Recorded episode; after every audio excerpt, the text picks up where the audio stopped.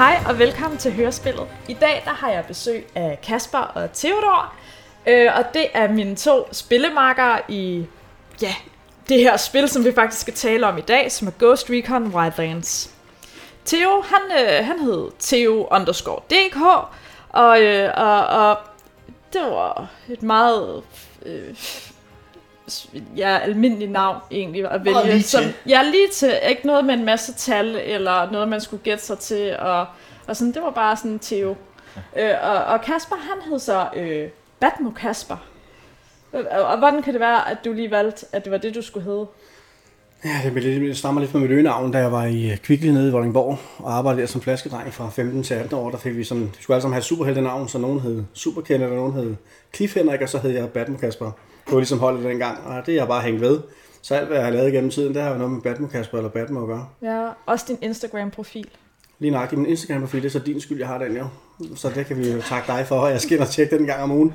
Øhm, ja, og ellers så, ja, det er bare, så er det bare hængt ved altid. Mm. Og det er jo det er meget sjovt.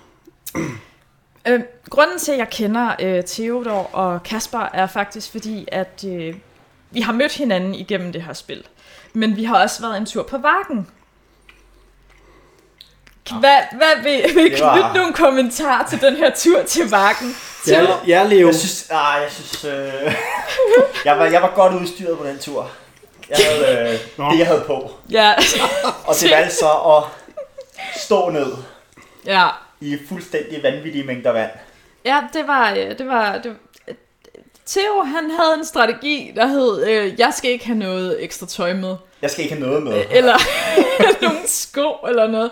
Og alle, alle ved, at Vakken, det er bare den største mudderfestival i Europa. Undtagen Theo. Men Theo han gik efter Survival of the Wettest. Ja, øh, så øh, det var, øh, det var nogle... Det var lang tid i øh, gummistøvler uden sokker Og uden søvn. og uden søvn. Fordi det var så koldt. Og fordi den der procent, der lå oven på de telt, så de var tæt, det larmede så meget, så man, det var ligesom at være torturkammer i 24 timer. Det var, øh, det var ret specielt. Jeg- Var der noget med nogle vabler også og sådan Åh, noget? oh, mine fødder bagefter. Altså, gummistøvler uden sokker, det siger det hele. Ja. Nye, nye gummistøvler købt på vakken. ja Fik du det er valer på, faktisk fik du valer på knysten? Jeg fik vabler over det hele. Ej. Altså, på tær og på hæle og på knyster og steder, man ikke kan få vabler. Men man kan sige meget om den tur. Men service til morgenmaden, det var der jo. Ja, drengene, de havde, øh, de, havde, de havde været nede hos købmanden og købt franskbrød og Nutella. That's it. Det er måden Altså- at overleve på, åbenbart. Det er det, man har brug for. Vi havde jo ikke en gryde, så der var ingen blødkogt af, så var det. Nej. Øhm, kan I huske, hvor lang tid vi var afsted? Altså, jeg tænker dårligt døgn. Under 24 timer. Var vi der ikke mere? Nej, det var vi faktisk ikke. Det var fandme en god festival. Det var, det var et hit. Vi er noget, der er til status quo. Volbeat. Lacuna Coil. Og hvad så jeg mere? Jeg så så en masse mudder. Det, men det var alt sammen på den samme dag, jo. Ja, det var lidt sindssygt. Det virkede som om, man var afsted i en uge. Men vi var Det der var- kun i et døgn. Det var manglende søvn, der gjorde det. Og manglende søvn, der kan ødelægge alle. Ja. Men jeg vil starte med at sige, skal vi nogensinde afsted... Ja, også vand. Men skal vi nogensinde afsted igen, så skal jeg have en campingvogn eller en kamplet med, så jeg ikke skal sove på jorden. Never ever again. Det blev for gammel til. Ej, det var også hårdt. Jeg kan huske, vi lå på sådan en bakke. Og, og, og jeg, var sådan, jeg var sådan faldet nedad. Man Altså sådan, i bunden af ja, teltet. man gled ned i bunden af teltet, og, og så kan jeg huske, vi var bare afsted i en time, da vi så kom tilbage, så var vores telte bare sådan oversvømmet. Og bare sådan, Åh, det magter man bare ikke. Jeg husker lige en sidste anekdote fra Vakken, det var, at Theo vågnede klokken 5 om morgenen og lå og klapper tænder, hvor jeg sagde til Theo, du kan låne min sovepose, jeg begynder at være lidt svedig. Nå, men dreng, prøv at høre, vi er her i dag, fordi vi skal snakke om det her fede spil, som faktisk gjorde, at vi mødte hinanden. Ghost Recon... Ja, Recon... Nå, prøv igen. Ghost Recon Wildlands. Det er fandme svært at sige, når man, når man er så ivrig, som jeg er. Øhm, det er et Ubisoft-spil. Det blev lavet i 2017, eller det udkom i 2017, og øh, ja, vi har spillet det ret meget. Det må man sige. Ja. Det må man nok sige. Når man sådan har gennemført alle øh, niveauer eller alle levels, så, så kommer man op i noget, der hedder tier mode, som ligesom er sådan noget ekstra. Ekstra svært. Og Theo, han fortalte lige før, at han faktisk havde, han var nået til, var, var det tier mode 5? Ja, fem eller seks. Ja. Det, det, er- det er ret lang tid, man har spillet det spil. Så er man meget dedikeret. Og det- der er lagt nogle timer, Ja, som man Så siger. skal også sige, at det kunne slås fra, når man blev børnesur, ikke? fordi det drillede for meget. Så kunne man kun at slå tier mode fra, og så kunne man klare sig lidt nemmere. det er rigtigt. Der var noget med, at det var lidt sværere, når det var på tier mode. Øhm, Det skal du så gange op. præcis. Men, men, men Tom Clancy-serien, den, altså, den kommer jo i nogle forskellige grene. Der er den her Ghost Recon, så er der Division, så er der Six Siege. Så lavede de faktisk også Splinter Cell. Altså, de, der er sådan en helt palet af, øh, af ham her, Tom Clancy, som faktisk er en forfatter. En, der har skrevet mange bøger, men man har jo så valgt at lave spil på hans romaner, eller jeg ved ikke, om det er noveller, men romaner vel. Øhm, men, men det er jo egentlig meget spændende. Øhm, men de er alle sammen udgivet hos Ubisoft. Det er et shooterspil. Det er open world. Det er co-op. Og det er fedt. Og det er fedt, ja. Faktisk så var Ghost Recon Wildlands det spil, som havde det største open world i 2017. Og det, og det er jo var ikke tvivl om, massivt. fordi Nej. det var fucking massivt. Ah. Det, det var bare, altså, Altså, det, men det var tog lang tid at komme fra den ene ende til den anden. ja, hvis du skulle køre, det kunne ikke lade sig gøre. Mm-mm. Du kunne flyve det med helikopter, hvis du var heldig, Ja. og blive skudt ned med ja. missiler. Ellers så, så havde de jo lavet deres fast travel, som fungerede ret godt. Ja, Når først man havde været fremme et sted, så kunne man fast travel tilbage. Øh, og det, det gjorde det hele øh, lidt mere spiseligt. ja. Øhm, det der er med, øh, altså det der, det der gør Ghost Recon Wildlands lidt federe end Breakpoint, fordi det bliver vi simpelthen nødt til at tale om, hvorfor det er, at vi ikke synes den nyeste, den er lige så fed som øh, udgivelsen inden. Altså det, det for mig den måde, at man kan spille det på co-op, men også hvis man bare vil spille det alene. Det, jeg, jeg synes virkelig, at, at den her ting med, at du er et team, og du tager afsted på de her missioner sammen som et team, det, det gør, at Wildlands bare fungerer bedre, fordi selvom at man ikke har nogen at mødes med, altså ægte mennesker i co-op-delen, så har du stadig et team, du tager ud og laver de her missioner med. Og den del er ikke med i uh, Breakpoint. Nej, og der halter det alvorligt, hvis man Ja. er alene. Ja. Synes jeg blandt andet i hvert fald. Ja. at hvis man er alene, så har man svært ved at klare de her ting, man egentlig bliver bedt om, fordi man bare bliver havlet ned. Ja. Øh, og det er nok ikke den største svaghed, det spil havde til at starte med. Nu har de jo rettet det ved en opdatering, og nu kan man faktisk få AI-friends med ud Ja. og klare tingene. Okay. Det vidste jeg faktisk ikke, men jeg kunne huske, at det var i hvert fald det, jeg var meget irriteret over sådan til at starte med. Hvorfor synes jeg Ja. nærmere Ja. beskriver det? Man kan også sige, at forventningerne til Breaking Point var jo nok også, der var barn sat højt, ikke? fordi at man havde jo spillet Wildlands, så man forventede egentlig det hele vildt, og det gjorde vi også øh, selv. Mm. Og vi gennem, spillede jo også Breaking Point, øh, og, og, gennemført og Breaking gennemførte det. Men der er nogle ting, der gør at Breaking Point måske er, man kan, man kan bare sådan springe meget kortet, og hvis du egentlig efter to timer har lyst til at slå ham der knoldesbakkerne ihjel fra Breaking Point, ham, nu kan jeg ikke huske, hvad han hedder, men den også. Men så tager du ham, og så slår du ham ihjel. Så er han ude af spillet. Øh, resten af spillet, så kan du sådan, så de ændrer en lille smule på historien, hvis man slår ham ihjel til at starte med. Men det er sådan, så ryger hele det der hævntogt ind i for ham der. Øh, Ja, Og det er jo lidt ærgerligt. Men det er jo så den del med, at det er et open world, og du selv bestemmer dine missioner. Ja. Ikke? At du, du kan selv planlægge, hvordan du, øh, hvilken rækkefølge du vil tage de her missioner i.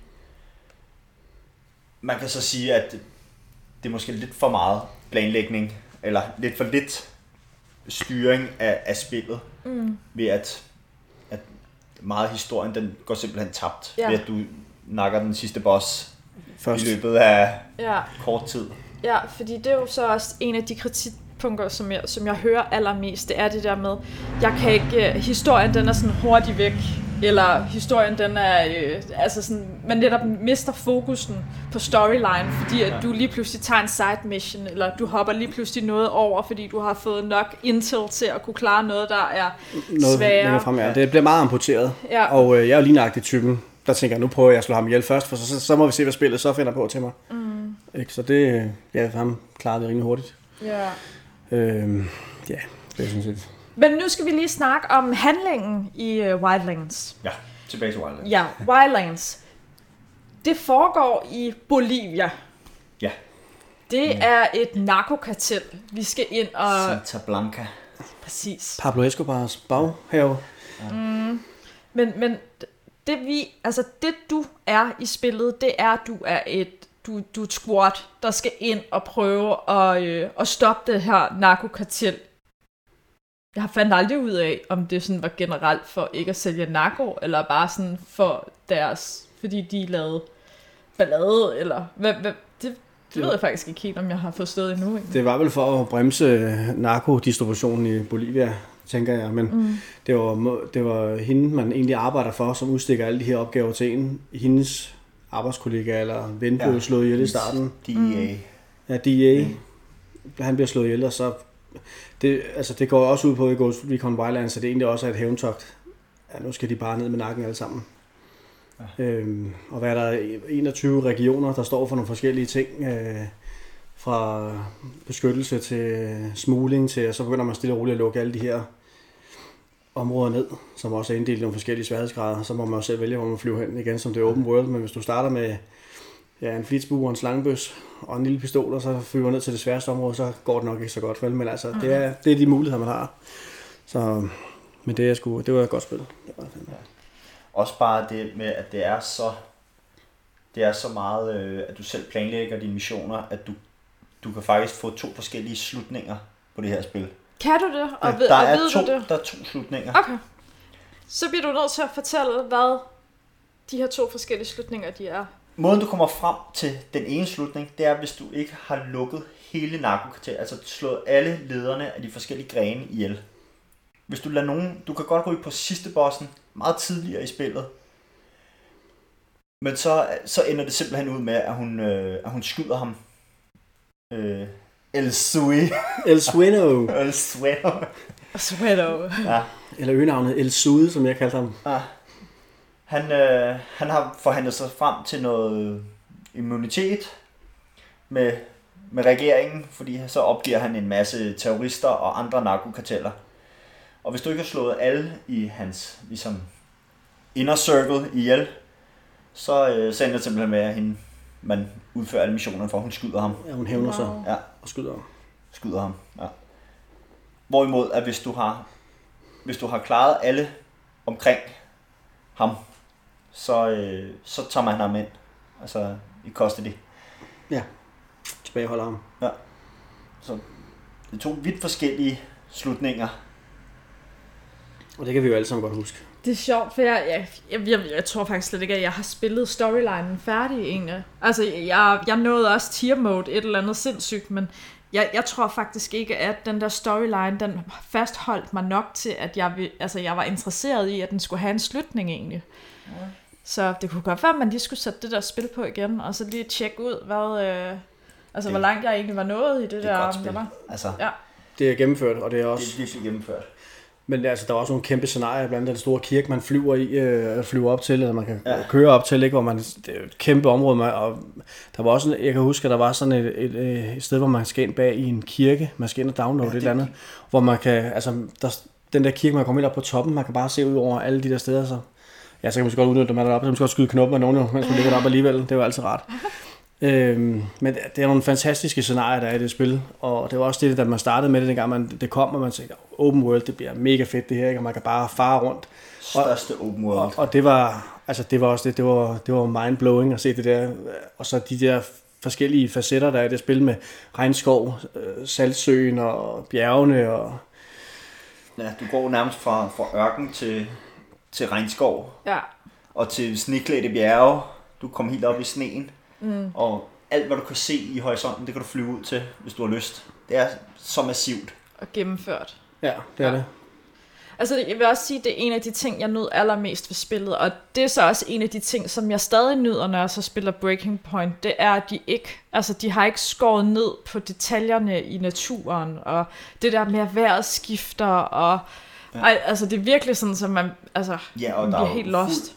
Fuld nat og dag cyklus. Ja. Altså, Ja. og vejrsystemer, og, og, og du kan drage øh, ligesom fordel af de her ting. Altså, hvis det er bælmørkt, og det pisser ned, du er meget sværere at spotte. Du kan gå ind, og du kan snige dig forbi folk. Mm. Hvorimod i højlys dag, øh, i solskin, der bliver du meget nemmere spottet. Ja, Så, så hele det der med, og, og alle mænd har ligesom en rutine hvis du går ind om natten, så ligger folk og sover nogle steder og sådan noget. Så det, det er bare altså, gennemført på en helt anden måde. Og vi ved altså godt, der er jo ikke noget bedre end at slå folk ihjel, der ligger og sover. Easy, easy kill. Forstår I, hvorfor der er nogen, som, øh, som hater på det her spil? Altså, man kan sige, øh, hvis man ikke er til den slags spil, så kan jeg godt forstå, at man ikke synes, det er særlig fedt. Øhm, Jamen altså for eksempel, at, at der er nogen, der, øh, der, der synes, det her spil, det er... Øh, altså for det første det her med, at det handler om Bolivia. Og der er nogle kommentarer omkring Bolivia i det her spil. Altså nogle af de her figurer, de, de siger for eksempel sådan, I'm gonna burn this country down, og sådan noget. Og det er altså dig som spiller, som har den holdning om Bolivia. Altså sådan, der er noget politisk i det også. Har, har, har I tænkt over det, mens I har spillet, eller er det bare sådan noget, man tænker, nå, det er bare et spil? jeg kan Ja. langt sige, at jeg har ikke tænkt over det, fordi det er bare et spil. Mm. Altså, jeg går helt drømmer, at jeg kommer ud, så folk det i virkeligheden vel, fordi jeg blæser knop med folk i Ghost Recon Wildlands, altså, så tænker jeg, at øh, det er et spil, det er underholdning, og det er en helt anden verden, man kommer ind i, og så er det sådan, det er. Altså, når du slukker for den Playstation igen, eller går ud af det spil, så er vi tilbage til virkeligheden, ikke? Hvor, hvor det er noget andet. Mm. Altså, Men vil du kunne forstå, hvis der var nogen, der faktisk boede i Bolivia, som synes, at det her det var et spil, der var fejltolket på, hvad kan man sige, deres, af deres land, og sådan ser de ikke deres land som værende sådan fuldstændig korrupt, eller altså, er det, altså sådan, har det noget at sige? Er det en tanke, man overhovedet gør sig? Fordi at der er jo mange, der elsker GTA, selvom at det er jo super sindssygt spil, altså som foregår i altså USA. Ja. Fordi det er jo der, de gerne vil have, at det skal foregå, eller lade som om det foregår. Ja, Ja. Men der kan du jo slå alle ihjel, hvis du ville det, og folk er sindssyge, og du kan, altså sådan, det, det, det er ligesom om, det er bare accepteret på en anden måde, end når man bare vælger at tage et eller andet random land. Og lad os tage Bolivia. Lad os... Øh, vi kan jo vente om at sige, at vi ville føle os trådt over tæerne, hvis det var Danmark, der blev brugt i sådan et spil. Øh, se om vi skal brænde dansk flag, og så er der nogen, der, altså, ville, ville jeg føle mig trådt over tæerne, hvis jeg, hvis jeg så det eller hørte det i et spil. Jeg tror faktisk, jeg, jeg tror hellere til, nej, jeg tror ikke, jeg vil, det er bare stadig et spil. Mm. Man, man, kan selvfølgelig ikke tillade sig alt i spil, men når det ikke sådan er sådan en, en hets, der synes, der går hele vejen igennem, og det sådan virkelig hælder til, til den side, så, så er det ikke noget, altså det, det, det jogger ikke mig over tæerne. Mm. Så kan jeg måske, Men man kan sige, jeg kan godt se, hvad de mener. Mm. Altså, i princippet har der ikke været nogen grund til at sætte et, et rigtigt navn på. Man kunne have fundet på hvilket som helst fiktivt land. ja. Det gør de jo også i Breakpoint. Ja. Ja. Altså, det er jo en eller anden lille ø. Bare, man skal bare sætte en scene. ja. tror du det er fordi, de har flyttet sig? Tror du det er på grund af Wildlands? Jeg, jeg, jeg tror, Jeg tror også, de har tænkt over det. Ja. Altså det der med... Lige meget hvor meget de skriver før spillet, at det er fiktion og Ja. ja. ting, der sker i det her, det er ikke virkeligt. Ja, der, Det gør de jo meget ud af at skrive. I starten, der var der heller ikke den her øh, tekst, jeg ved, øh, hvor det er, der står, at øh, det her, det er, det, er ikke, øh, det er jo ikke sådan, at vi opfatter Bolivia i dag, og bla bla. De har faktisk lavet sådan en skriv, som starter, mm. eller som Ja, ja, står, præcis, inden det- du starter det kommer. spillet, men det var der ikke til at starte med. Det, Det er noget, der huske. kom med en opdatering. Okay. Så, så der er nogen, der, øh, der, der har følt sig tvunget til at skulle, øh, Og skulle tage afstand fra det. Eller sådan forståeligt noget. nok. Men der var der ellers til nogle spiludgivelser. Hvis det hed Bolivia, så var det Argentina og Brasilien, så kunne de bare rulle derud af. Ja. Ja, ja, der var masser af... Af muligheder. Så kører vi bare over Mexico og... Ja, det kunne de jo sagtens have taget. Ja, ja. Men altså i forhold til, hvad- kan man sige, øh, hele scenariet omkring altså selve spillet, og, og at ligesom, hvad kan man sige, rammerne, der er skabt for, at, øh, at det ligesom er her, vi navigerer i. Hvad, hvilke iagttagelser har I så ellers gjort jer? Altså sådan i forhold til, at det er, øh, altså udover at det er et smukt spil, og det er et rigtigt land, og det er rigtige mennesker, er der så noget i karaktererne, eller ting, som lige skal fremhæves som værende specielt ved det her spil. Der er jo oprørende, kan man sige, som også har en eller anden, måske haft en eller anden øh, politisk øh, budskab alligevel i spillet. Øh, så kan man sige, at de vender også en ryggen i historien, kan man sige til sidst, og så bliver man også, begynder de også at skyde på en. Mm. Så man kan nok i Unidad og alle de andre, der render rundt med våben. Mm. Øhm, men ellers så, altså, jeg synes bare, at spillet er fantastisk, og altså, selve skyddelen er også meget realistisk, ikke? Hvis du skyder med, med sniper rifle over er det 600 meter, skal du ikke lyde på, for så kommer lyden ikke frem, før kuglen har ramt og alt det her. Mm. Der er nogle meget fede aspekter i det, og man så går til ud til nogle andre spil, shooter, shooter games, hvor man tænker, okay, for eksempel Uncharted, hvis man vælger at spille det lige bagefter, tænker man, okay, det her, det er fandme lækkert spil, flot grafik, skyddelen, der kan du vippe ud af vinduet, ikke? Altså, det er bare for, det bliver for urealistisk. Mm. Man bliver meget hurtigt forvent, synes jeg. Ja. Øh, der er faktisk nogen, der, øh, der netop siger, at skydedelen den er dejlig øh, i Ghost Recon, fordi lyden gør det der med pluk, pluk, pluk, pluk, så kan du høre, at, at altså, det sidste skud, det er ligesom det, der ondulerer ja. ham, du skyder på. Så hele det der lyddesign, altså det er så sindssygt at tænke på, at det er lyden, der gør, at skydespil, det føles godt. Men, men, men det viser jo også bare igen, hvor meget tid man har brugt på at lave det her. Altså, altså hvor meget man har kælet for et detaljen. Ja. Altså, det er jo, det, det er jo super fedt. Vi skal lige, uh, vi skal lige snakke om våben. Ja. Har I et yndlingsvåben? Oh, lige hvad de hed. Så jeg vil faktisk også snakke lidt om i dag, med de våben der. Øh, og jeg, jeg måtte også melde ud øh, ærligt, at jeg kan ikke huske jeg kan ikke huske, hvilket våben jeg havde som primary. Jeg ved jo godt, at jeg havde den der gigantiske store sniper på ryggen. Som jeg... Efter nærmest noget i jorden, når man ja, stod. Ja, ja. Og skravede sådan en spor, og alle kunne bare følge efter stregen næsten. Sanden, når man løb rundt. Men øh, det var et, øh, det var en assault rifle, men der var helt sikkert lyddæmpet, og med, med scope på. Ikke? Øhm, og man kunne faktisk gå ind og se statsene dengang, øh, hvor meget man havde skudt på de forskellige våben. Men, altså, og det var jo, man havde sådan lige lugtet lidt til et par stykker, og så kunne man sådan lige se, så var det bare fuld skrue derud af med det, med det, man havde fundet, der var rigtigt. Men hvad det hed, det kan jeg faktisk ikke huske. Og spørgsmålet er, hvis man låter loader spillet ind igen, eller installerer det igen, om så statsene kommer op igen, for at se meget. Vi har nok noget skram, hvis jeg ser min øh, PvP-stats igen. Uh, det er virkelig mange, uh, det er mange timer, der er brugt på det der. Mm. Men, men dit yndlingsvåben, var det så en assault rifle? En assault rifle. Ja. Øh, og dem kunne man jo opgradere, så de blev vildere og kunne skyde længere, indtil man nåede maksgrænsen, ikke, og så kunne man ikke gøre dem bedre. Mm-hmm. Og det var også det, det samlede man også under tier mode. Alle de her ting, som man simpelthen kunne opgradere. Og hver gang man købte noget, kan jeg huske, det var så lang her stregen ikke til opgradering, og hver gang fik man bare sølvet en halv millimeter eller sådan noget, så man, man skal virkelig ja, spille det meget for at komme langt for at max de der våben ud. Hvad med dig, Theo? Jeg er jo, jeg er jo snipermand. Øh, ja, bryster mig ved, at jeg holder rekorden i vores gruppe på længste skud. Ja, det er rigtigt. På over en kilometer. Shit. Ja. Det, det kunne nærmest ikke lade sig gøre. Altså, der skulle næsten spotter på længere fremme for, for at holde fokus. Og så kunne man, hvis du markede ham, og så gik baglæns, så skulle du blive ved med at sigte, og så gå baglæns, for så forsvandt han. Det var så, Salt Lake, ikke? Du øh, lavede snipe i, eller Jo, både der, og ja. så op ved kirken. Ja, det er rigtigt. Men simpelthen, fordi spillet, den, den loadede ikke mændene ind. Hvis du, hvis du først slap ham, så blev alt fjernet. Altså, så kunne du, du kunne ikke kigge så langt. Nej. Så, øh, og så, så bullet drop. Lidt, så, ja, og bullet drop, man sigtede jo... Øh, du kunne nærmest ikke se manden. Han var helt nede i bunden af sigtekornet. Og så kunne du bare se kuglen. Theo, han er sådan en, der kan regne jordens krumle mod ved at kigge. Nej, men jeg, jeg, jeg er virkelig imponeret over det her, fordi det er jo ikke det eneste spil, hvor det er, at man ligesom skal skal vurdere sådan, okay, så er der et drop, og det skal jeg lige indregne, når det er, at jeg sigter her med mit, altså sådan, jeg synes virkelig, det er flot, når der er nogen, der sådan kan få det til at fungere. Vi kan, vi kan lige hurtigt runde uh, The Last of Us, når det er, at man faktisk skal skyde med bue og pil. Ja. Fordi pilen har også et drop. Og jeg synes fandme, det er svært at finde ud af, okay, hvor skal jeg sigte, for den så rammer? Fordi hvis jeg ikke rammer første gang, så hører de mig. Og så, ja, så, så kan det her være fuldstændig ligegyldigt at ja. sidde og snipe. Ja. ja. Altså sådan, så, men, ja. men har du en yndlingssniper? Kan du huske det, eller er den også sådan oh, lidt... Jeg kan ikke huske, hvad den hedder. Nej. Det er den, han skyder med i uh, Shooter. Ja, det, det, den der kæmpe store... Kaliber 50, 50 kaliber, ikke? Jo. Ja.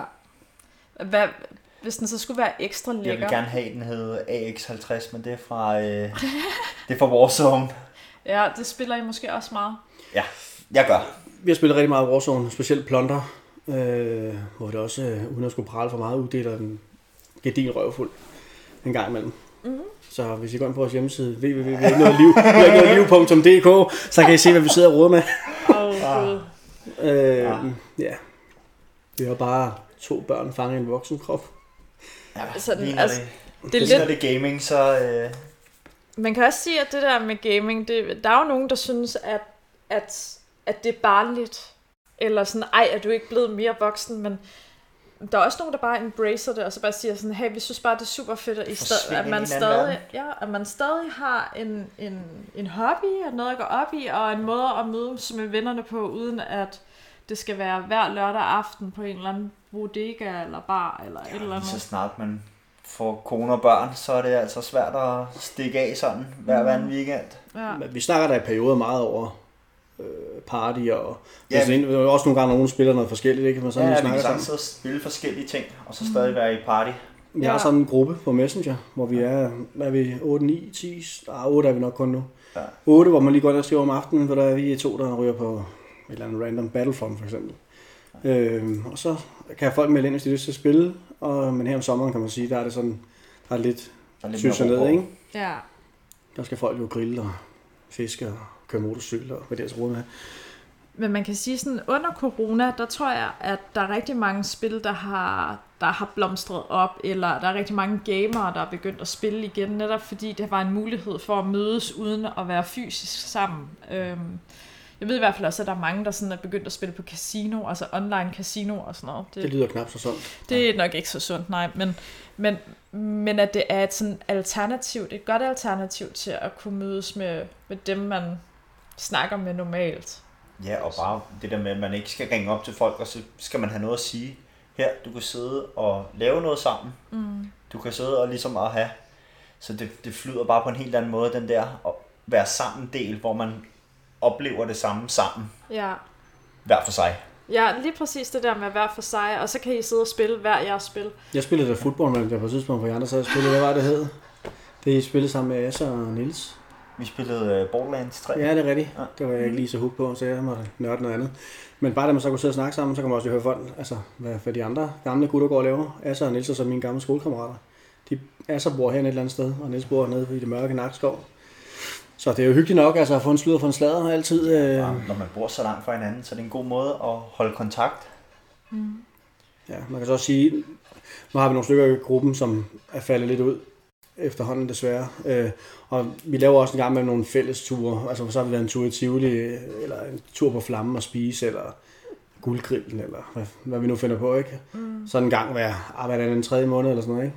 Og så vi også lige sådan ses. Øh, Men det var, det var sjovt, fordi det var også Wildlands. Altså man, Ja, det var det, det startede med. Ja, ja, fordi det, det var bare, det var så stor en del af ens aftener og ens altså omgang Ja. med, med venner.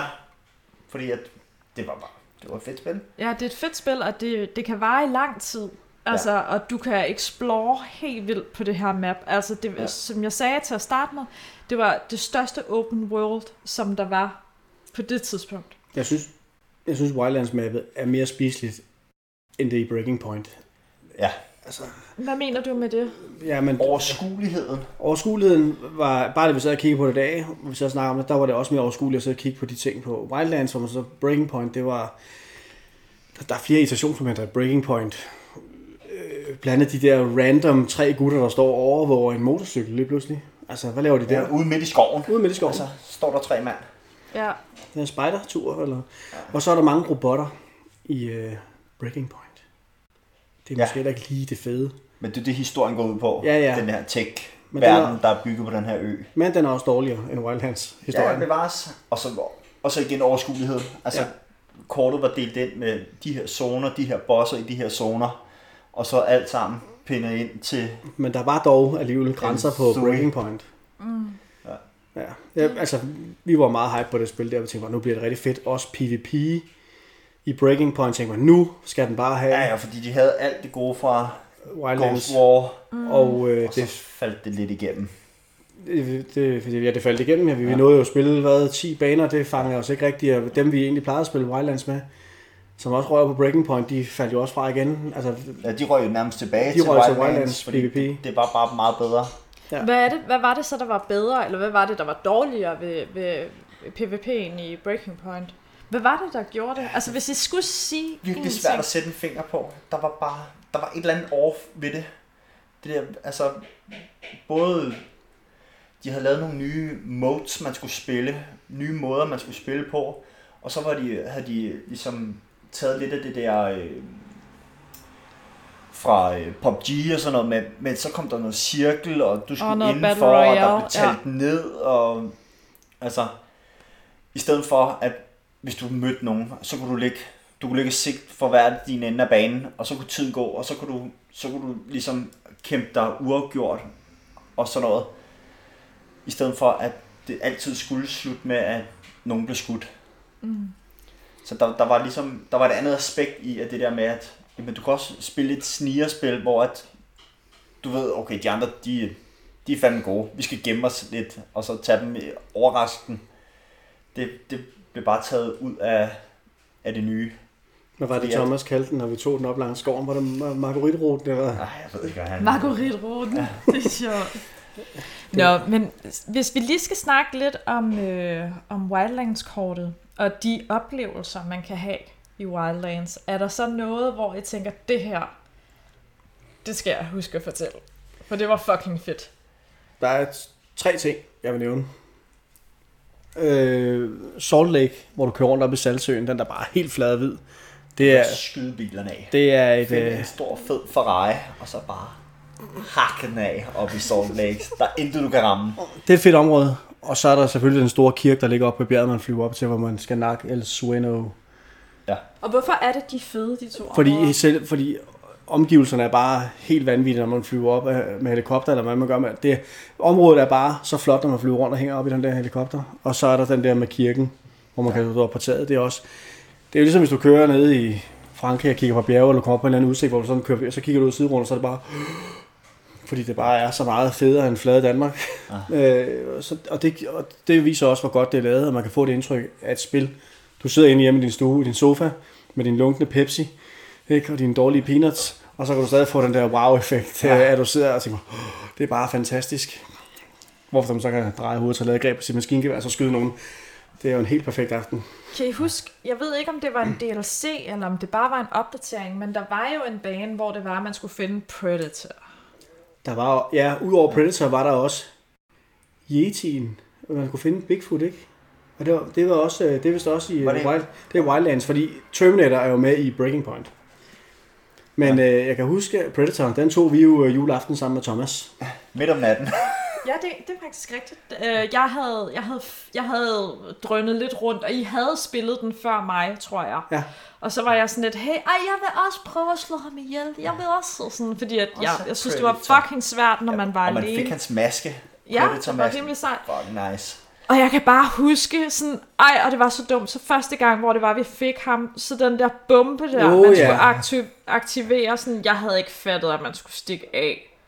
Så jeg eksploderer jo sammen med den her bombe, og får lov til at starte forfra. Det var bare fucking nederen. Ja, og Thomas stod bare ude, filmede, Jeg og hun sprang i luften. Så jeg var sådan, I kunne godt lige have sagt, at, det er jo en ommer. at det der, det var en ommer. Ej, det, det, det havde jeg lidt nederen over. Øh, andre easter eggs, som findes i Wildlands. Kan I, kan I Det nævne er Bigfoot. Nogen? Man kan Bigfoot. finde Bigfoot, mener jeg, hvor man skal ned og finde langs en å, man går, og så man finde et blodspor. Ja, 100 på det er Wildlands faktisk, fordi det er ikke Breaking Point. Det bliver vi lige nødt til Det, at google det må vi lige have fået bekræftet fra Ja, nogen, der er klogere end mig, ja, eller os. Øh, men det er vist der, øh, og den, den, slog jeg, den slog jeg også ihjel. Stakkels. Stakkels Bigfoot. Ja, der er også noget med en sniper, der ligger oppe på et eller andet bjerg. Men det er faktisk meget det, der minder om, lige den der med, med, med Bigfoot, det, er den der med, det minder meget om Shooter, hvor han ligger oppe i bjergene, med den der store hvide øh, kittel på også. Mm, ja. Øh, ja, det var, men det er de to, der sådan er. Så har der sikkert, jeg ved ikke, om der er kommet noget siden, for som sagt, vi har jo ikke spillet det i... De lavede den der Narco Roads Ja, Narco Roach, ja. Ja. En, DLC der. Mm. Var det ikke også uh, Breaking Point, hvor, nej, uh, Wildlands, hvor de lavede det der Fallen Ghost DLC? Mm, jo, det tror jeg faktisk, det var. Jeg mener, de lavede to Men vi, røg, DLC'er. men vi røg aldrig på hverken... Nej, den ene eller den anden. Nej, der var vi nok ved at blive ud. Der var vi der var vi på, på PvP. PvP, ja. ja. Jeg ved i hvert fald, at der var jo også, altså ikke at jeg selv havde fundet dem, men der var mange, der talte om øh, nogle scener, hvor det var, der var inspiration fra The Matrix for eksempel, og der var sådan et Ghost Child, man kunne finde, og altså en, sådan nogle statuer, som kunne ting, og knapper. man kunne aktivere, selvom der stod sådan noget med, don't push this button, så var det sådan noget med, at man kunne gøre det, og det fandtes forskellige steder på det her kort. Men det har vi jo så aldrig nogensinde fundet. Nej. Nej, det kan være, Vi at... var meget mere story mode øh, Ja, præcis. fixeret. Ja, det må man sige. Øh, finde alle de der weapon upgrades og hvad man nu ellers Ja. For, for rundt på. kortet. Men det er jo også forskellen. Ikke at man kunne ryge man kunne få, finde ud af, nogen kunne sige, hvis nogen har fundet sniperen i Ghost Recon Wildlands, så kunne alle tage ned i den region og vide, her ligger den, så kan du få den ret hurtigt i spillet. Ikke? Det var ligesom, hvad man fandt undervejs, man kunne få af, af, af skyde med. Ikke? Det var lidt ærgerligt, hvis man kun har fundet... Øh, Hov, der er nu der er nogen, der ringer på døren. Sådan er det jo. men øh, det, øh, men jeg kan huske, at jeg fik hurtigt fat i den der sniper der, der først man fandt ud af, hvor den var henne i hvert fald. Ja. Ikke? Der er altid lige en, øh, en god øh, partystarter, når man øh, ligger oppe i bjergene og begynder at skyde ned de der... Øh, jeg har aldrig været så meget sniger. Øh, jo, jo, jeg godt sådan ligger og lidt ud i gruppen der, sådan når man ligger deroppe, ikke? men så ellers så ned i lejren og bare far frem. Som du selv siger, jeg døde ret meget PvP. Nogen skulle lokke dem frem, jo. Men det var, det var meget skægt det der med, at jeres, øh, hvad kan man sige, jeres øh, oplevelse i Wildlands, det, det ligesom udviklede sig til, at I så fokuserede meget på den her PvP-del, og så var det ligesom, at så var det det, I spillede lige indtil det nye spil så kom. Og så Ja, har man faktisk. ligesom fået, fået afstand fra alt det andet, der havde med Wildlands at gøre. Altså sådan, det, det, jo, det, altså det, det der med ens fokus, det ligesom kan ændre sig. Tror jeg, at det var fordi, at I havde fået nok af, øh, af selve øh, open world-delen, eller... Jeg tror, det blev for meget øh, det samme. Fordi til sidst så gik det bare ud på, at du skulle øh, stoppe convoys. Ja, Altså, I kunne det, ligesom ikke få flere upgrades til jeres våben. det øh, var max ja. ud det hele. Det blev ensformigt. Det Ja. ja. gjorde det. Øh, og, og det gjorde PvP vel egentlig også til sidst. Det døde ret meget, da vi troede, vi skulle over på Breaking Point. Tænkte, så har vi et nyt... Det var simpelthen, vi har nok selv hypet det for meget og tænkt, "Åh, det her det bliver det fede, nu skal vi så spille Ja. det her to år, og vi skal bare sidde og grine og have det max øh, sjovt ud over det her. Men det, her det, det døde bare ret hurtigt, og mange af dem, vi egentlig gerne ville spille med, de, de, de røg tilbage til Wildlands. Og der havde man egentlig nok, altså der havde vi taget en beslutning om, det skulle vi nok ikke tilbage til. Mm. Øh, det kunne sikkert være meget sjovt. Vi røg der også et par gange tilbage og prøvede, kan jeg huske Ja, og spille, og så var det sådan, og hvis man gør sådan noget PvP, eller generelt bare spille sådan noget halvhjertet, Så bliver man aldrig. så bliver du nakket hele tiden. Ja, Ja. altså, Man skal, man skal være på for at være med. Altså, jeg, jeg havde det med Breaking Point som, at det var fedt, når vi kunne spille det sammen, men I var bare ikke særlig meget på. Altså, men jeg tror måske også, at jeg først fik det startet op sådan rigtigt lidt, Lidt senere senere end andre, fordi ja. jeg kan huske, at I var stukket sådan helt af i forhold til, Ja, ranking til, og... ja, ranking. Øh, og det ja. gjorde jo egentlig bare, at det er svært sådan at komme på niveau, fordi hvis man altid er den dårligste, eller altid er den, der er bagud med våben, og sådan, så, øh, Så hænger man lidt i... øh, Ja, så hænger man i bremsen for det første, og så, så kan man også godt mærke, at det kan irritere andre lidt. Man bliver jo også træt af at nogen, der genoplever det hele tiden, ikke? Ja, jamen det forstår jeg jo godt. det, Altså det forstår jeg godt, men, men når man bare ikke er bedre på det tidspunkt, så, så er man bare en belastning. Jeg vil egentlig gerne have givet Breaking Point altså lidt mere tid. Altså jeg sætter det også stadig på en gang imellem, fordi jeg bare elsker at køre rundt, og så bare Den kigge, verden, ja. og ja, altså sådan, og så fordi at jeg synes, det er meget hyggeligt bare at gå rundt og skyde folk. Altså sådan, det lyder Ja, mærkeligt, ja, men, ja, men Jamen, vi Men- kender det, vi kender det godt. ja, helt enig. men, men ja, jeg, ja jeg, jeg er ked af, at jeg bare aldrig nogensinde har fået samme oplevelse med Breakpoint, som jeg havde med Wildlands, for det var fucking fedt. Men det har du aldrig nogensinde fået alligevel, sådan helt vel, fordi der er også den der irriterende ting med Breaking Point, hvor måske den der, øh, hvor du flyver ind med den der helikopter, lander man, så går man ind i det der fælles areal, hvor man kan se andre gamere. Ja. Nå, det, ja. det er også lidt... Øh, Det, det er sjovt, lige præcis den ti- ting, Wow. det kan jeg også huske fra Division. Det var en af de ting fra Division, jeg synes, der var fucking nederen. Det var de der black zones, Og jeg- hvor man kunne gå ind, og så kunne man blive nakket af andre, der sad og spillede online, og det synes jeg ikke var fedt. Overhovedet. Jeg synes faktisk, det var ret irriterende. Ja, vi, Også- har, vi har aldrig på Division. Nej. Øh, du prøvede betaen, ikke? Jo, på Division 2. Og, kom, Ja. og så kom der en anmeldelse fra Theo Nej. og sagde, Ja. det skal vi ikke spille, og så blev jeg, det jeg, jeg spillede faktisk også betaen på Division 2, og jeg var heller ikke op at køre over det. Jeg kunne godt lide etteren. Jeg kunne godt lide det første Division. Det, det, det var jeg nede med, og det spillede jeg også online sammen med en, øh, en homie. Og, og det var fucking sjovt. Altså, det var, det, var, det var lidt samme følelse som Wildlands, bare, øh, bare dystopisk. Det var mere sådan øh, lidt ligesom Last of Us. Altså sådan Ja. en verden, hvor alle bare er ved at dø, og desperate, og sådan... Ja, altså det... Det er lidt mere dommedagsagtigt. Ja, præcis. Ja. Nå. Ghost Recon Wildlands, er det det bedste spil, I nogensinde har spillet? Ja, nu, nu, øh, det var Det det, er store ord, Ja. det store ord. Ja. Øhm, jeg vil sige, at det deroppe. det er nok en af de spil, som står klarest for mig igennem den tid, og nu har jeg været med siden, at der kom Commodore 64 med båndstationen. Øh, det er i hvert fald det er oppe i top 3. Ja. Øh, også fordi øh, Også historien... bare med tid, man har brugt på det. Ja, tiden er også, været- man- det er virkelig noget, man har brugt nogle timer på. Ikke? Man faldt ikke fra, men det, det holdt ligesom en ind i ilden, og, og man var med. Ikke? Øh, ja. Ligesom, altså man sige, Last of Us Part 1, det kom for hvad, syv år siden. Det synes jeg var mega fedt. Og jeg synes også, toren er fint.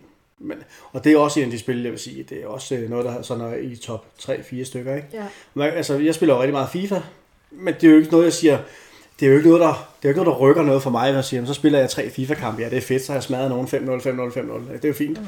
Men det er ikke en, det er ikke sådan wow-effekten. Det er noget, hvor historien fanger, og grafikken er fed. Og, øh, men alle spil har også sin periode. Jeg kan også huske, at spille meget Metal of Honor, Allied Assault. Det var helt tilbage i 2001, 2002. Det havde også en periode, der spillede jeg også et helt år. Men det er ikke sådan, det står heller ikke klart for mig. Øh, jeg tror, hvis jeg skulle ramse op sådan hurtigt, så Ghost Recon, Last of Us, GTA, det er nok noget af det, som står. Og så man sige, GTA-historien er også fed nok. Det er, en, det er et helt andet spil end de to andre jo. Øhm, men, ja, Hvad med dig, Theo? Øh, jamen, jeg tror, at Ghost Recon Wildlands, det er et af de bedste spil, jeg har spillet. Jeg vil sige, det har, øh, det har næsten ødelagt andre spil for mig, Mm. fordi at jeg simpelthen stoppet helt med at spille, øh, spille spil, hvor der ikke er co-op. Jeg, jeg gider ikke sidde og spille en eller anden story mode alene. Så øh, Last of Us ville ikke være noget for dig? Nej, Mm. det, øh, det siger mig ikke noget. Nej. men du har- dog alligevel spillet, hvad det hedder, Warzone, uh, Call of Duty. Ja, Modern Warfare. Jeg havde spillet kampagnen i Modern Warfare. Ja. Men den er også den er relativt kort, så jeg må sætte den op på realistic. For Ja. Men den, Det anbef- var lidt en men den anbefaler du alligevel. Den kunne Ja, ja, ja, det er god, det, det er sgu en god uh, story. Men også fordi må- den ikke er så lang. Ja, ja. Ja. Altså, Ghost Recon Wildlands havde været rigtig lang helt alene. ja. Altså, et kæmpe stort spil. Og tænk, hvor mange timer man skulle bruge, hvis du skulle klare det hele alene. Ja. Uh. Det er også altid hyggeligt at nogen at snakke med, ikke? Ja, Som det er ikke det. lige kan fem kommandoer. Sådan er jeg, den er ikke så spændende at snakke med. Ej, det, det bliver meget hurtigt, meget langt. Men, men det vil sige, at Wildlands er i hvert fald i din top 3. Ja. Og hvad, hvad, hvad ligger så? Ellers er det Warzone. Ligger den deroppe også, eller hvordan? Øh, den begynder at snige sig deroppe af i hvert Ja. fald. Øh, og så har jeg altid været stor fan af Titanfall. Ja. Toren, den, øh, den var jeg meget begejstret for. Er det noget med, at der kommer et remake af den? Eller Det håber der... jeg. Ja. Øh, de har snakket om det i hvert Ja. fald. Øh, så den har jeg også klaret på. Easy, normal, hard, alle trofæer og alting. Der er noget, vi lige skal snakke om, som er meget vigtigt, når man snakker om det her med gaming. Det Mm. er PC-gaming og konsol-gaming. Er det noget, at I har nogle følelser for? Øhm, Er der noget, der er mere seriøst end... nej, Noget jeg synes andet. ikke, der er noget, der er mere seriøst end andet. Jeg har altid selv været PC-mand. Men øh, eftersom jeg er den eneste i vennegruppen, der har en PC, Mm. så måtte jeg jo have mig en Playstation. Ja, hvad fortæller det dig egentlig? Men, men i dag, der er jo meget, mange spil, som kommer sådan cross-platform. Ja, Så, og det er kæmpe fan. ja. Så, Øhm. men, men er der nogen fordel i at sidde og spille på en PC i forhold til at sidde med en controller? Øh, jeg, jeg bruger øh, mus og tastatur på, øh, på Modern, Modern Warfare, Ja, fordi det er simpelthen crossplay, så du kan plukke direkte i, og så virker det bare. ja. Fedt. Øhm, og det giver mig noget.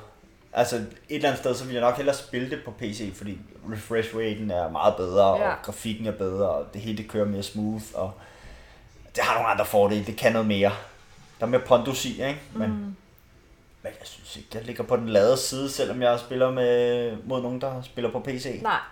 Og jeg møder også folk på PC, som spiller med controller, som dominerer fuldstændig. Så Ja. jeg, Så det betyder ikke noget for det dig. betyder ikke noget for mig. Der er mange gamere, som, som spiller på PC, som synes, at øh, konsolspillere, de er, øh, det, er ikke, øh, det er ikke pro. De er ikke lige så gode som dem, der spiller på PC. Fordi dem, der spiller på PC, de er hurtigere i reaktionsevne, bla bla, jabbe jabbe.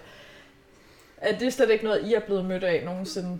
Nej, jeg har kun, jeg har kun en Playstation, så jeg har slet ikke, øh, jeg spiller ikke med mus eller noget, men jeg har kun joypad og det altså. Ja. Jeg har også spillet PC, men hvornår det lige stoppede helt præcis, jeg tror, jeg har været 25 eller sådan, så gad jeg bare ikke bygge de der gamercomputer mere, så var det bare mere nemmere at sætte en skive i, og så kunne det installere på sådan en Playstation, og, så, øh, og jeg har også haft Xbox, altså. Men det var nemmere. Jeg, gider, jeg gider ikke alt det der ting sammen. Så skal du huske at opgradere dit grafikkort, så skal du hente en ny driver og rette mig et vist sted, ikke? Så, Ja, man skal give det der. Ja, så det, det spiller jeg nok heller ikke nok til, øh, at jeg gider. Det eneste, jeg spiller på PC i dag, må jeg jo blankt indrømme, det er Football Manager, og det har jo ikke noget med noget grafik at gøre.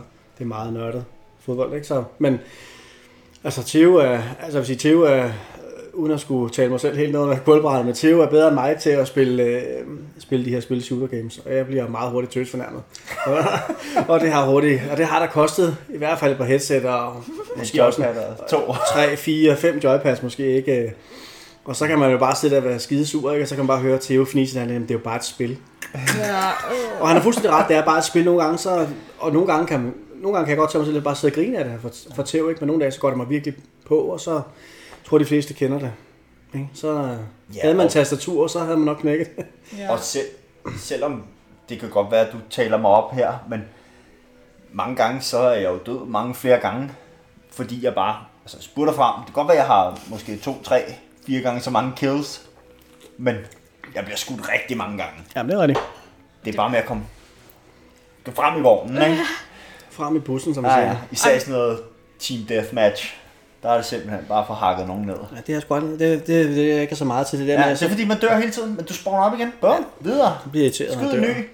Irriteret, når jeg dør. Det er ikke Ja. det, der er meningen. Hvordan har du det så med sådan nogle Battle Royale-spil egentlig? Vi spillede jo både HXZ1, har vi spillet, og vi har også spillet PUBG, hvor vi har været en 4-5 stykker. Mm. Og egentlig så, HXZ1 var meget simpel. Det er en meget, meget... Det er et nummer lige efter Fortnite, uden at skulle kritisere Fortnite for meget, vil jeg sige, men fik jeg lagt ud med halvdelen af det. ikke så... Øh, men det var egentlig meget sjovt, men det var sådan, det blev hurtigt lidt... Og så røg vi over på PUBG, og det er meget takt. Der kan man godt, der kan man egentlig godt øh, snige sig rundt, så kan man skyde en, som vundet. Så man er heldig nok, ikke? Det er der kan man godt have runder, hvor man, den eneste, man skyder, det er nærmest den sidste. Ja, ikke? Og, det, og det er jo fair nok. Øh, Nogle gange synes jeg bare, at de der spil, når det er det der Battle Royale, så ved vi selv, når vi har spillet, så jamen, vi tager det her område her, vi tager de her sten og gemmer os, og så kunne I hjælpe mig, om der ikke ligger en eller anden ternet tosse med et eller andet maskingevær, så bliver man skudt i ryggen, ikke? Og så, siger man, Åh, så kan man ligge der øh, og, og, og vente på, at det er slut. over. Ja, og det er jo så, hvad det er. Og så er der det der Warzone, hvor vi også har spillet. Det er så plundrer det der med, med penge. Og det Ja. ved jeg også, Anne, hun er fuldstændig crazy til det der. Altså, Øh, jeg vil sige, jeg er slet ikke på Warzone overhovedet. Jeg er ikke fan af det. Jeg kan ikke lide den måde at spille Battle Royale på. For jeg synes, det er sådan, at du skal have en chance, og du skal ikke kunne købe dig til nogen fordel.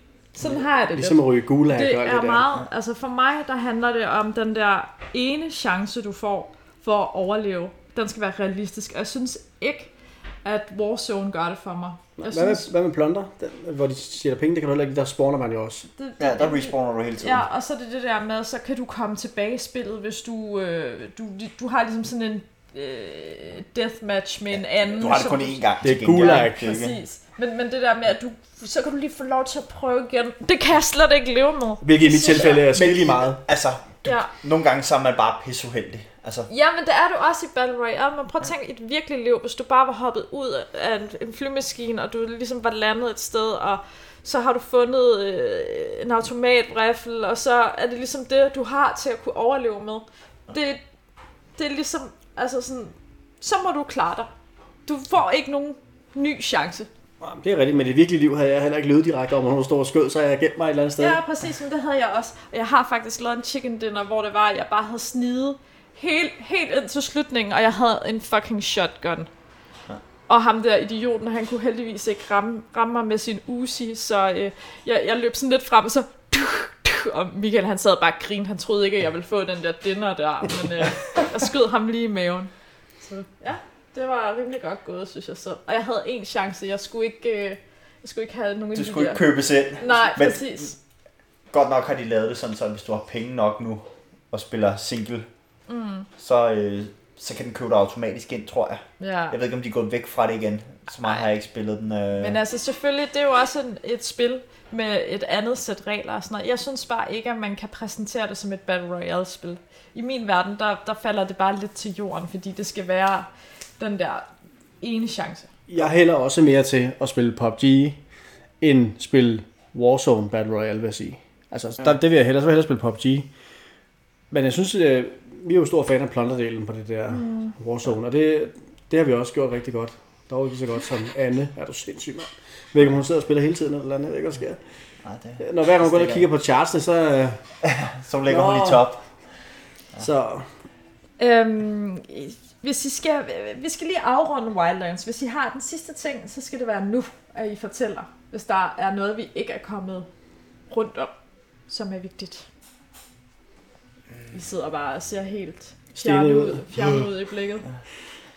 nej, jeg vil sige, hvis du ikke har spillet Ghost Recon Wildlands, så skal du så absolut se at få øh, Så får det gjort. stjålet det hos din homie, det er- eller købe det billigt, eller... Lige meget. at Køb det på klods. "Ah, Det er et gammelt spil og sådan noget. Det, det er altid værd. Mm. Og det skal være på Playstation. Eller skal Det det, må være man på selv PC, vælge. eller hvad? Det er ligegyldigt. Det er, Det er lige meget. Det er er samme til. historie. Det er et samme spil. Vi kan jo ikke sidde og sige, at det er meget men, bedre på men, men Playstation. hvad så ville man få lige så meget ud af det, hvis man ikke havde homies, som var med på at sidde og spille et spil fra 2017? Så får du et langt spil med tre AI's, Jamen, der det er ikke det er er så partyagtige. Kan man Øhm, sidde og, og anbefale det her, hvis det er til folk, der skal sidde og spille det alene? Jeg synes, folk skal prøve det. Det kan godt være, at de ikke gennemfører hele spillet, men, men man skal prøve den der får stadig episke verden. Øh, og ellers så, øh, hvis man ikke kan finde nogen, der vil spille sammen med sig, så må man sgu finde nogle nye venner. Ja, det, det vil jeg anbefale. Der må, man der må, Facebook må kunne gøre noget for Ja, den der. nu, nu har I fået øh, Kasper og Theos øh, nickname, så kan I jo bare adde dem på Ja, vi- vi på starter op igen. Vi starter op ja, igen. Præcis, Ja. godt. Nå, men øh, prøv at høre her, så er vi nået til øh, anbefalingerne. Så jeg håber, at I har tænkt rigtig godt over, hvad I vil anbefale, og det skal jo siges, de her anbefalinger, de behøver slet ikke at være i tråd med øh, Ghost Recon overhovedet, så det kan lige så godt være et eller andet indie, indie-spil, et eller andet, som øh, I har, Skide godt. I har optur over. Det er Monopoly, Guy. Nej, det anbefaler vi ikke. Øh, Nej, Det okay. er meget tungt. Men det gode er meget tivt, vi har jo ikke øh, samme spil, øh, spilreferencer, eller Nej. det er i hvert fald, når vi så endelig spiller noget sammen, spiller vi rigtig meget sammen. Men der er også tit, så spiller vi noget øh, helt andet. Ja, Theo ville hverken spille. Red Dead Redemption vil han ikke spille. nej, Og han vil heller ikke spille Last of Us. Og det er jo sådan noget, jeg sidder og nørder, eller Assassin's Creed, det nye, der kommer. ja. Øh, Det siger mig ikke noget. og jeg vil anbefale, hvis det er mig, der skal starte, er det det? Ja. det er det så nu, for nu har jeg åbnet ballet. Ja. Øh, jeg vil anbefale, øh, hvis det skal være det, det, det sidste nye skrig, så vil jeg anbefale The Last of Us Part 2. Og det har jeg selv lige gennemført for en uge siden. Øh, det gik ret hurtigt. Øh, og det er også en flot verden, og det er også en medrivende historie. Og så er der godt nok nogen, der siger, at øh, den er ikke lige så god som etteren, og det kan jeg dog nok huske, for det er syv år siden, det kom. Øh, jeg synes stadig, det er rigtig godt, og jeg synes også, det fanger egentlig meget godt historien fra, fra etteren. Øh, altså, det er samme verden, og det er også super flot. Der er selvfølgelig nogle, nogle lidt andre ting. Øh, man kan ikke lige frem rundt og have hvad man siger, 200 kugler i rygsækken, og det er sådan meget med, at man skal loote alt, hvad man kommer nærheden af. Ikke? Kan man godt spille toeren, part 2, uden at have spillet etteren? Det kan du godt, vil jeg sige. Men altså, jeg vil nok lige, så vil jeg nok lige læse det op på etteren, for hvordan man egentlig er kommet dertil. Men man kan sagtens øh, spille det, uden at have spillet etteren. Hvis jeg må komme med en kommentar i forhold til Last of Us part 2, så er jeg en af dem, som ikke har været sådan helt op at ringe over part 2-delen. Skam dig. Altså sådan, jeg kan godt lide det, og jeg kan godt følge alle folk i, at det er et fucking flot spil, og det er spændende, og historien er medrivende. Men samtidig så opfylder den bare altså, ikke rigtigt min forventning til en, en efterfølger på etteren. Men mest fordi, at etteren var simpelthen så simpel og kronologisk. Og den forholdt sig bare til en historie, der handlede om Joel og Ellie. Det er korrekt. Jeg har et problem med, at øh, part 2, den springer. Øh, både i tid og i personer og nye personer. Og så synes jeg, at en af de sidste scener er sådan mega masochistisk. Er der spoilers? Kan vi spoilers nu, eller? Jeg siger ikke noget. Jeg siger bare, at jeg har... Det er, det er nogle af mine anker i forhold til det her spil. Jeg vil give dig ret. Men, men jeg, jeg synes stadig, at det er en 7'er ud af 10. Jeg vil give dig ret i uh, specielt uh, tidshoppende, hvor man går tilbage og ser, uh, hvad der er sket, sådan ud fra de forskellige karakterer, sådan lidt sideløbende. Det er lidt irriterende. Jeg vil ikke se uh, Abis far blive nakket tre gange på et hospital. Der røg der lige en spoiler. Øh, køb det. øh, Jamen det, det er okay. Folk de ved godt, at den her podcast den handler om at spoile spil. Så, øh, så det, det, ja. det synes jeg blandt andet er irriterende. Øh, jeg kan egentlig godt lide, måske at man kommer til at spille som Abby, fordi at den scene, hvor de to mødes i det teater, havde jeg ikke spillet som Abby, og havde haft muligheden for at plante en kugle i knuppen på den nederen kost, så havde jeg gjort det, hvis jeg ikke havde spillet som hende. Fordi så ser man historien fra hendes side af, hvad der er sket tre dage i en by, vi ikke snakker om. Øhm, ja. men, og det, og med den sidste, den, ikke den, den sidste scene, tænker du så på den, hvor de, hvor de kommer ud på landet, og ser hun eller... Nej, vi behøver sikkert gå mere i detaljer i, hvad det er for en scene. Jeg skal nok fortælle det bagefter, når podcasten er færdig. Men jeg, jeg synes jo, på jeg tænker, da jeg spiller det her spil, tænker jeg, nu, nu, tager, nu mødes de her to hovedpersoner, og tænker så, så rotter, så rotter de så sammen, det var det, jeg sagde til dig. Ja, ja. Rotter de så sammen, og så tag-teamer de bare de der røvhuller, ikke? Og så spiller de det her. Det er ikke det, der sker. Surprise igen, og der hvor man troede, det egentlig var slut. Surprise, så kan du få lov til at spille øh, noget med en anden karakter. Men til allersidst, eller ikke til allersidst, men hvor der er det, det der tåbelige, tåbelige kamp om to robåde. Jeg bliver med at spoil. Ja, du bliver ved med at spoil på et spil, vi ikke snakker om. Ja, øh, og det, det, det, tænker jeg bare, okay, det var, det var bare spild af, altså, spild af krudt. Okay. Men i, i hvert fald, nu har jeg jo spillet SharePlay med dig på øh, Last of Us ja. part 2. Kom med dit bud. Og, og jeg synes, ideen er fin. Fordi du bliver i tvivl om, hvem, hvem holder vi med i det her. Ja. Og, og jeg kan godt lide øh, ligesom mind, mindsetet i, at du skal ikke bare tro, at jamen, jeg er den bedste. Altså, den her karakter, det er den, vi holder med. Du kan blive i tvivl. Godt kommet igen. Theo, hvad vil du så anbefale? Kaspers anbefaling, det er jo Last of Us Part 2. Hvad vil du så anbefale? Jamen, jeg er 100% på Modern Warfare. Okay, det, godt. Det er genialt. Det er et godt shooterspil. Der er high-paced, der er gode våben, der er god balance mellem alle våben. Altså, du kan komme imod nogen med shotguns, og så kan du alligevel skyde nogen med sniper rifler, og altså, hele balancen i, i spillet er, er genialt sat op. Godt. Kæmpe fan. Så skal jeg lige høre om noget andet. Hvad er det næste spil, I skal spille? Og så snart, vi starter lige med Theo. Hvad er det næste spil, du, øh, du skal spille? Er det en titel, der kommer? Eller er det et, du bare ikke har nået endnu? Mod al forventning, så tror jeg faktisk, at jeg skal prøve, øh, når de kommer med Zero Horizon på PS5. Okay. okay. Jeg tænker, at det... Øh, jeg ja. prøver et open world, uden co-op, højst tænkeligt. Sejt. Hvad med dig, Kasper? Ja, udover det bliver Ghost Recon Wildlands i næste uge, øh, så, øh, så er jeg lidt i, i dilemma med, om jeg egentlig vil vente med at købe et, et spil, øh, indtil PlayStation 5 kommer. Mm-hmm. Ikke fordi jeg er nær eller noget, men jeg tænker bare, at det går, jeg tænker på, at det går loading-tiden bliver noget hurtigere, okay. det bliver lidt federe. Så du har ikke en titel i tankerne? Men så skulle være noget, skulle jeg nævne noget og sige, at jeg vil købe, så var det Assassin's Creed. Ja. Den nye, der kommer. Cyberpunk. Val, val, Valhalla. Mit næste spil, det bliver Ghost of Tsushima. Jeg fucking glæder mig til det. Det, jeg det synes, der samurai noget. Det, det ser så fedt ud. Det er også et open world spil. Ja, det, altså, jeg, tr- jeg tror, uden at lægge hovedet på blokken, det bliver årets spil. Fordi at folk de har glemt det i forhold til alle de andre titler, fordi Last of Us lige er kommet, og så fordi, at der kommer Assassin's Creed, og så fordi, at der også kommer Cyberpunk. Så den her titel, den har forputtet sig lidt. Det Men jeg tror, jeg tror på den her.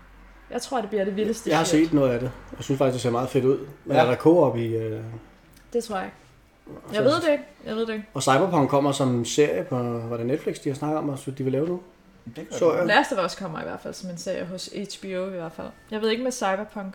Det er jo bare lidt... Øh, Cyberpunk har jo lige opdateret, så at Ja. de øh, gør sig klar til PS5'eren. ja, de har jo også lige fået lidt mere tid at løbe på. Ja. Ja. Ja, de Alle titler, de er bare blevet rykket. Så, øh, så ja, det, det undrer mig ikke, at Cyberpunk er blevet flyttet igen, og så giver det god mening, at de måske venter til den nye... Ja, det bliver om lidt jo. koncept. Altså, Ja. hvad var det? November, slut november, Ja, så er der PS5. Ja. Bare ud Det kan jeg love dig for, Ja, ja, ja. ja. køre. om den koster 5.000, 10.000 eller 15.000. Den står inde hjemme hos mig på udgivelsesdatoen. Penge er bare papir. Væk med det. Godt. Jeg glæder mig til at se din Instagram, så så lægger du et billede op af din øh, nye... Hvor den bare står og skinner. Ja, præcis. følger du mig overhovedet på Instagram. Ja, jeg gør. Åh, oh, oh, kæft, du må kede dig. Du må kede dig? Nej. Nå, dreng, prøv at høre, tiden er gået. Vi har snakket i alt for lang tid. Øhm, tak fordi I kom. Øh, det var, det så var hyggeligt at se jer igen. Det er jo mange år siden nærmest. Altså, det var jo på bakken, som øh, folk Jeg også synes, vi så fik- hinanden i ja, hvert fald. Ja, Vi vi så snakket hinanden. siden, men Præcis. Tak, fordi I gad at være med. Det var så lidt. Ja. så vi gå ned og se, om vi har fået en parkeringsbøde jo. Ej, har I parkeret ulovligt? Ja, sindssygt Prøv lov. at se på os. Ja, øh, Don't I talk ser- to me criminal. Ja, hovedspillet. Ja. Nå, men øh, tak fordi I kom, og så tak til jer, der har lyttet med, og så øh, dem, der prøvede at se det her stream til at starte med, jeg er ked af, at øh, vi blev nødt til at slukke for det. Jeg lægger det her op lige om lidt som øh, en YouTube-video, så kan I se det der i stedet for.